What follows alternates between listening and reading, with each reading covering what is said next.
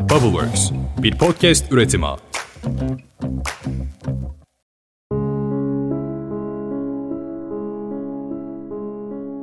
Merhabalar, ben diş hekimliği ikinci sınıf öğrencisiyim. Şu anki eğitim sürecini online olarak devam ettiriyoruz. Ve bu süreçte yaşadığımız en büyük ve en önemli problem pratik derslerini yapamamamızdır. Pratik derslerini yapamadığımız için teorik dersleri yeterli şekilde pekiştiremiyor ve gerekli altyapıya sahip olamıyoruz. O yüzden en kısa zamanda yüz eğitime geçilmesini istiyoruz. Ben İpek, İstanbul Teknik Üniversitesi Tekstil Mühendisliği 2. sınıf öğrencisiyim. Daha tam okulumuza, arkadaşlarımıza, hocalarımıza alıştık derken bir daha online eğitimle karşı karşıya kalmamız gerçekten çok üzücü bence. Derslerin zorluğu bir yana bu sadece derslere çalışma isteğimizi azaltmakla kalmıyor. Yani sosyal yaşantımızı da bence çok derinden etkiliyor. Merhaba ben Emir. İTÜ'de işletme mühendisliği okuyorum. ikinci sınıfım. Okullar online olduğundan beri kendimi öğrenci gibi hissetmiyorum. Derslere odaklanamıyorum. İnternet karşısında, bilgisayar karşısında derslere odaklanmak çok zor oluyor. Yani üniversite hayatım çok kötü. Merhaba, ben Tıp Fakültesi 2. sınıf öğrencisiyim. Okulumuz online eğitime geçtiğinden beri çok zorluk çekiyoruz. Uygulamalı derslerimizi yüz yüze alamıyoruz. Bu sebepten dolayı bir an önce tekrar yüz yüze eğitime geçmek istiyoruz. Merhabalar, ben Marmara Üniversitesi Eczacılık Fakültesi 2. sınıf öğrencisiyim. Uzaktan eğitime geçmemizle birlikte benim kendi açımdan yaşadığım en büyük sıkıntı laboratuvar derslerimiz oldu. Çünkü geçen yıl hem öğreniyorduk hem de arkadaşlarımızla beraber yaptığımız için deneyleri daha akılda kalıcı oluyordu. Şimdi her şeyi uzaktan izlemek hem bize geçmiyor hem de açıkçası ders odamız azalıyor. Bu yüzden hepimizin dileği en kısa zamanda yüz yüze eğitime geçmek. Merhaba ben Umut. İTÜ İşletme Mühendisliği 2. sınıf öğrencisiyim. Ben şahsen online eğitimin yüz yüze eğitim kadar verimli olduğunu düşünmüyorum. Ki bizim bölümlerimiz, mühendislik bölümleri bir nebze daha online eğitime daha uygun bölümler. Ancak tıp, diş, mimarlık gibi programların online eğitimle sürmesi bence hiç verimli değil. Ayrıca üniversitelerin sadece ders alın verilen bir kurum olmadığını düşünüyorum ve kampüs yaşamının sosyallik açısından önemli olduğunu düşünüyorum ve eski kampüs yaşantımı da özlüyorum.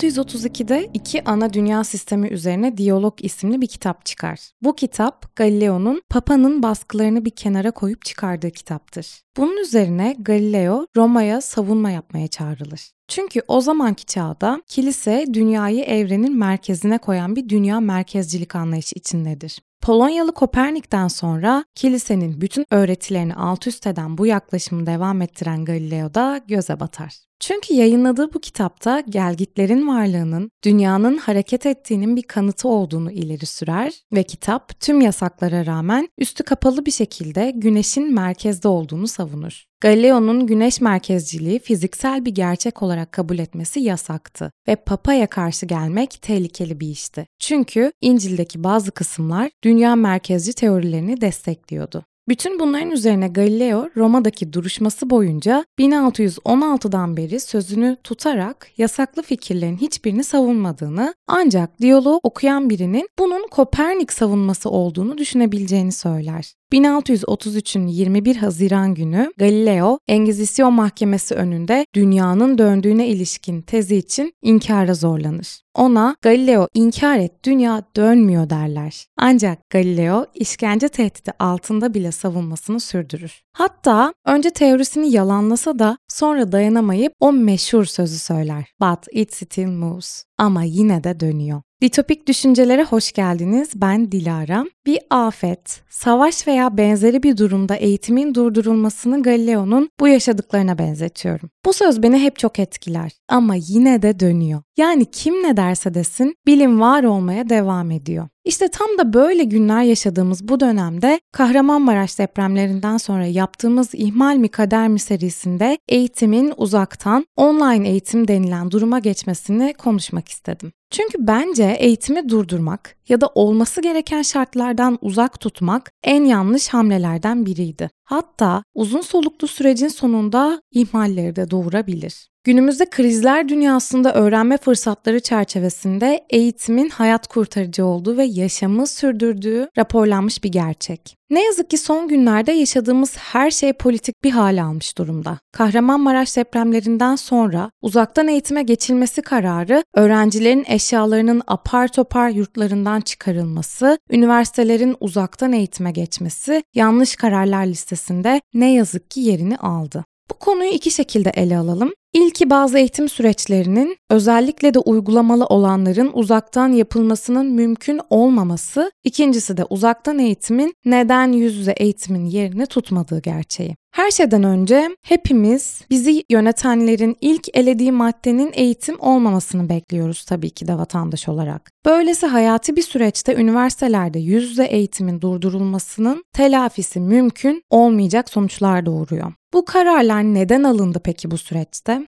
Öğrencilerin eğitim dönemlerinde barındığı KYK yurtları depremzedeler için başka bir seçeneğimiz yokmuş gibi boşaltıldı ama hepimiz çok iyi biliyoruz ki devletimizin imkanları ile her depremzedeye KYK yurtları dışında barınma imkanı sağlanabilir. Ancak eğitimde kaybedilen zaman gerçekten bir daha geri getirilemez. Özellikle bu karar dönemsel olarak da çok zarar verici bir karar. Zaten pandemi dolayısıyla öğrenciler 2019 ve 2020 bahar döneminden 2020-2021 bahar döneminin sonuna kadar 3 dönem yüzde eğitim alamadılar. Bu kesintiyle öğrenciler 4 yıllık yani 8 dönemlik eğitim hayatının yarısında yüz yüze eğitim alamamış olacaklar. Bunun sonuçları ise uzun zamanda zayiat vermekle neredeyse eş değer olabilir. İyi de eğitim durdurulmadı ki uzaktan devam ediyor diyenler için ben de devam ediyorum. Öncelikle üniversite hayatı hatta daha tatlı bir tabirle kampüs hayatı öğrencinin sadece derslerine hazırlandığı bir yer değil. Belki de yetişkin hayata geçişin en güzel ara basamağı.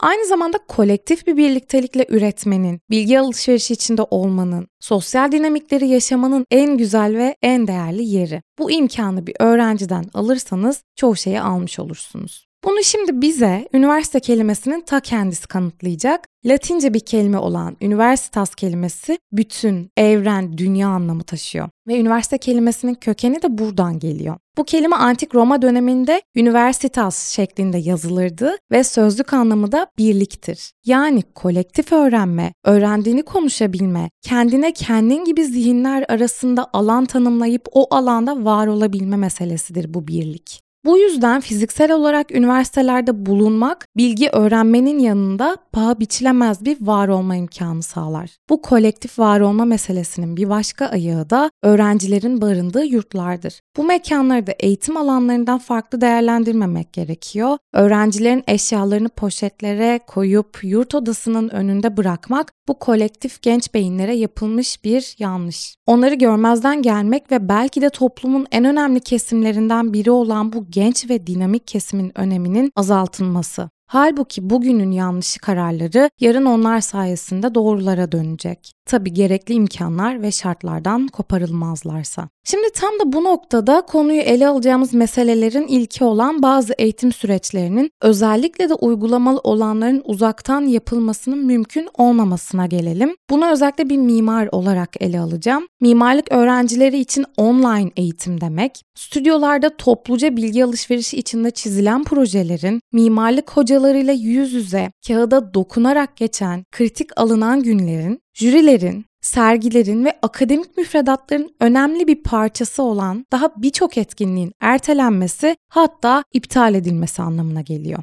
Bildiğim kadarıyla stüdyo dersleri yani proje dersleri uygulamalı olarak kabul edildiği için yüz yüzeymiş. Bazı okullarda da hibritmiş. Peki üniversitesine yurdundan çıkarılmış bir öğrenci haftanın sadece bir ya da iki günü uygulamalı sistem devam etse de artık o şehirde barınamıyorsa nasıl gidebilir? Bunun yerine Skype, Zoom gibi telekomünikasyon uygulamaları kullanılacaktır. Tıpkı pandemi döneminde olduğu gibi gezegenimizin içinden geçmekte olduğu değişiklikler acil ve kaçınılmazken bu süreçler izlenebilir ama ya bu süreç öyle bir süreç değilse? Eğitimciler ve öğrenciler eğitim için sağlanan rahat bölgelerinden uzaklaştırılırsa uzaktan bir sistemde nasıl anlaşacaklar ve iletişim kuracaklardı? Evet bunu yaptılar zamanında ama bunun için en büyük karışıklıklardan biri olarak da şunu söyleyebiliriz. Öğretmenler ve öğrencileri arasındaki ilişkideki değişiklik. Bunu pandemiden sonra da gözlemledi bence okullar. Öğretmenlerin öğrencileri üzerinde uzun yıllardır sahip oldukları otorite mesafeler nedeniyle eskisi gibi olmayabilir. Bu her bölüm için geçerli. Mimarlık stüdyoları genellikle yaratıcı alanlar olarak övülür ancak yaklaşan sunumların bireysel süreçlerde yürütülmesi, stüdyolardan öğrencilerin uzaklaştırılması, öğrencilerin bu yaratıcılığı kullanamamasına hatta yaratıcı olamamalarına neden olacaktır.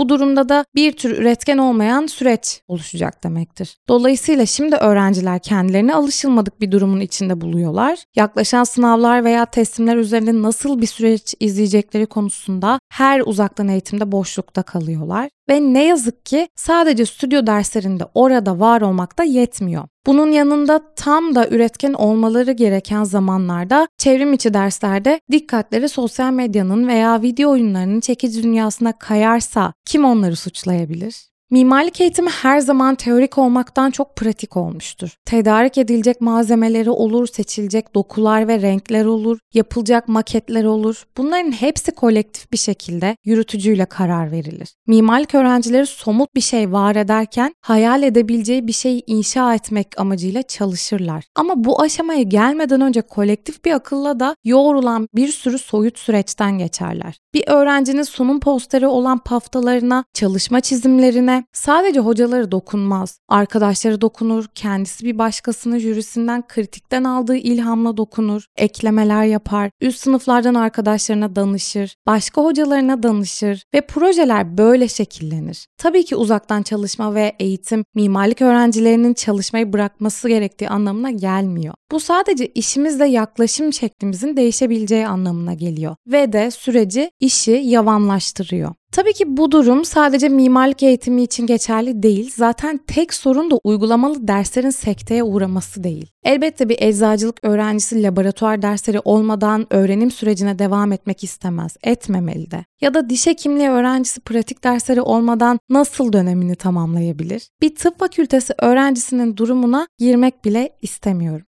Uygulamalı dersler kampüs hayatında öğrenciye network yaratmaya devam ettiği gibi bilginin durmadan akışının gerçekleşmesini de sağlar. Kampüs hayatında öğrenci tasını tarağını toplayıp gün bitince evine dönmez. Bilgi de, sosyal dinamizm de yaşayarak akmaya devam eder. Bunun yanında az önce saydığım bölümlerin hepsi öğrenim süresinde ekip işini de öğretir insana. Özellikle mimarlıkta eğitim süreci sadece ekip çalışmasını teşvik etmekle kalmaz. Beceriler de ekip çalışmasıyla gelişir. Herhangi bir büyük bina yalnızca mimarın çabalarıyla inşa edilmez. Bunu ne yazık ki ülkemiz acı bir şekilde deneyimledi. Her zaman işin içinde eşit derecede önemli başka bölümler de vardır. İnşaat mühendislerinden inşaat yöneticilerine, şantiye gözetmenlerinden teknik danışmanlara kadar herhangi bir yapının inşasına dahil olan sınırsız sayıda insan vardır. Mimarlık okullarında öğrenciler düzenli olarak projeler üzerinde birlikte çalışmaya teşvik edilirler. Çünkü eğitim süreci bittiğinde bilinen bir gerçektir ki ekipçe çalışılacaktır. Amaç onları çalışma ortamına hazırlarken aynı zamanda takım çalışması ve uyumun değerini öğrenmelerini sağlamaktır. Ancak pandemi sosyal mesafenin yeni normal olduğunu da bize yaşattı. Öğrencilerin artık sınıf arkadaşlarından ve hocalarından ikinci, üçüncü ve dördüncü görüşleri alma lüksleri bir anda ellerinden alındı. Bu kendi içgüdülerine ve yeteneklerine güvenmek için zihinsel olarak hazırlanmaları gerektiği anlamına geliyordu. Eğer uzaktan eğitim çözümün ilk seçeneği değilse ki bu süreçte değildi, bu lüks öğrencilerin elinden alınmamalıydı. Bu da yaşadığımız son olayların ne yazık ki politik kararlar çerçevesinde bize değerlendirtiyor. Bir başka mesele de toplumsal travmalarımız ve çoklu krizlerin içinde yaşama çabamız. Tam da bu noktada yaşanılan depremlerden sonra ülkece ağır bir travma atlatırken aslında gençlere en iyi gelecek şey dinamik kampüs ve üniversite hayatıyla birlikte kesintisiz devam eden eğitim süreci olacaktı. Çünkü bir kişinin psikolojisi bulunduğu ortama göre gelişiyor. Bu toplumsal travmalarla baş etmenin en güzel yolu öğrencilerin meşguliyetini eğitimle sağlamak olacaktı. Öğrenciler çalışmalarını yaratıcı bir şekilde sunmalarına izin veren sistemde iyi yarınlar kurabilirler. Zaten hepimiz boğulur gibi hissettiğimiz bu karanlık dönemlerde öğrenciler bir de yalnızlıkla mücadele etmek zorunda bırakıldı. Ayrıca bu dönemin üstesinden çalışmalarını diğer arkadaşlarıyla yürüterek, sınıf arkadaşlarından yeni fikirler alarak, sosyal hayatın içinde kalarak üstesinden gelebilirlerdi. Artık bu süreç mümkün olmadığına göre, en azından belirli bir süreye göre mümkün olmadığına göre yaratıcılıkları da kaçınılmaz bir şekilde kısıtlanabilir. Yani ne yazık ki uzaktan eğitim, yüz yüze eğitimin sunduğu interaktif deneyimi sunamaz. Öğrencilerin ders programlarına adanmışlıkları ve uyabilme becerileri de ne yazık ki yüz yüze eğitimdeki gibi yüksek seviyelerde kalamayabilir. Tabi olayın diğer perspektifini de görmek gerekiyor. Üniversitelerin kapatılmasının bir sebebi de oluşabilecek toplumsal hareketlerinin önüne geçmek olabilir. Kolektif zihinlerin bir arada akılcı bir şekilde hareket etmesi ihtimali bile ne yazık ki 2023 Türkiye'sinde yanlış olarak karşılanabiliyor. Peki bu çözüm müydü? Hayır değildi. Sesini çıkarmak isteyen bir yolunu, zamanını ve mekanını bulurdu. Çünkü kestirilemeyen bir şey vardı.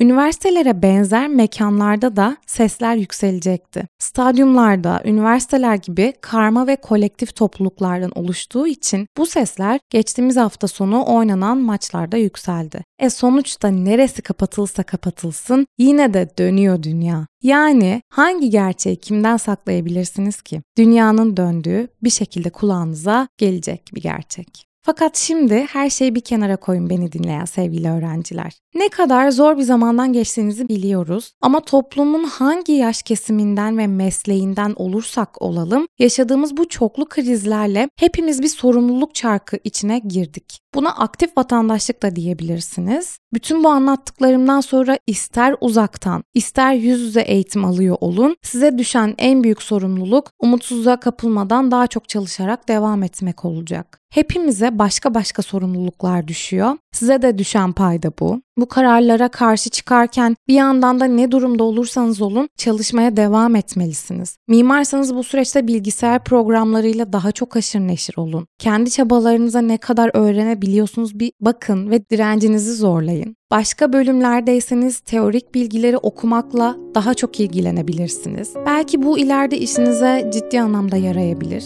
Kendimizi içinde yaşarken bulduğumuz bu tuhaf dünyada olumlu ilerleyebilmek zor biliyorum. Ama pes etme zamanında değiliz. Özellikle mimarlık öğrencileri size çok iş düşüyor. Bir daha bugünleri yaşamamamız için afetlere uyum sağlayabilecek şehirler ve yapılar tasarlama sorumluluğu doğrudan mimarların, inşaat mühendislerinin ve şehir planlamacılarının omuzlarına düşüyor. Karanlık sonsuza kadar sürmez. Sadece sabır gerektirir. Unutmayın ki bir zamanlar Galileo'yu yargılayan kilise bugün dünyanın güneşin etrafında döndüğü gerçeğini çoktan kabul etmiş durumda. Güneşli ve güzel günleri hep birlikte geri getireceğiz.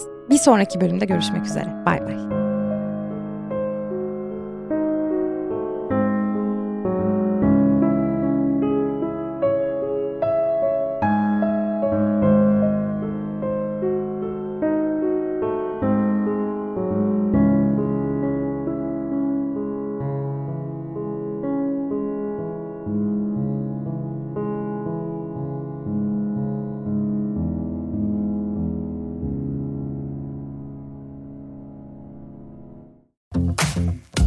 Bubbleworks bir podcast üretimi.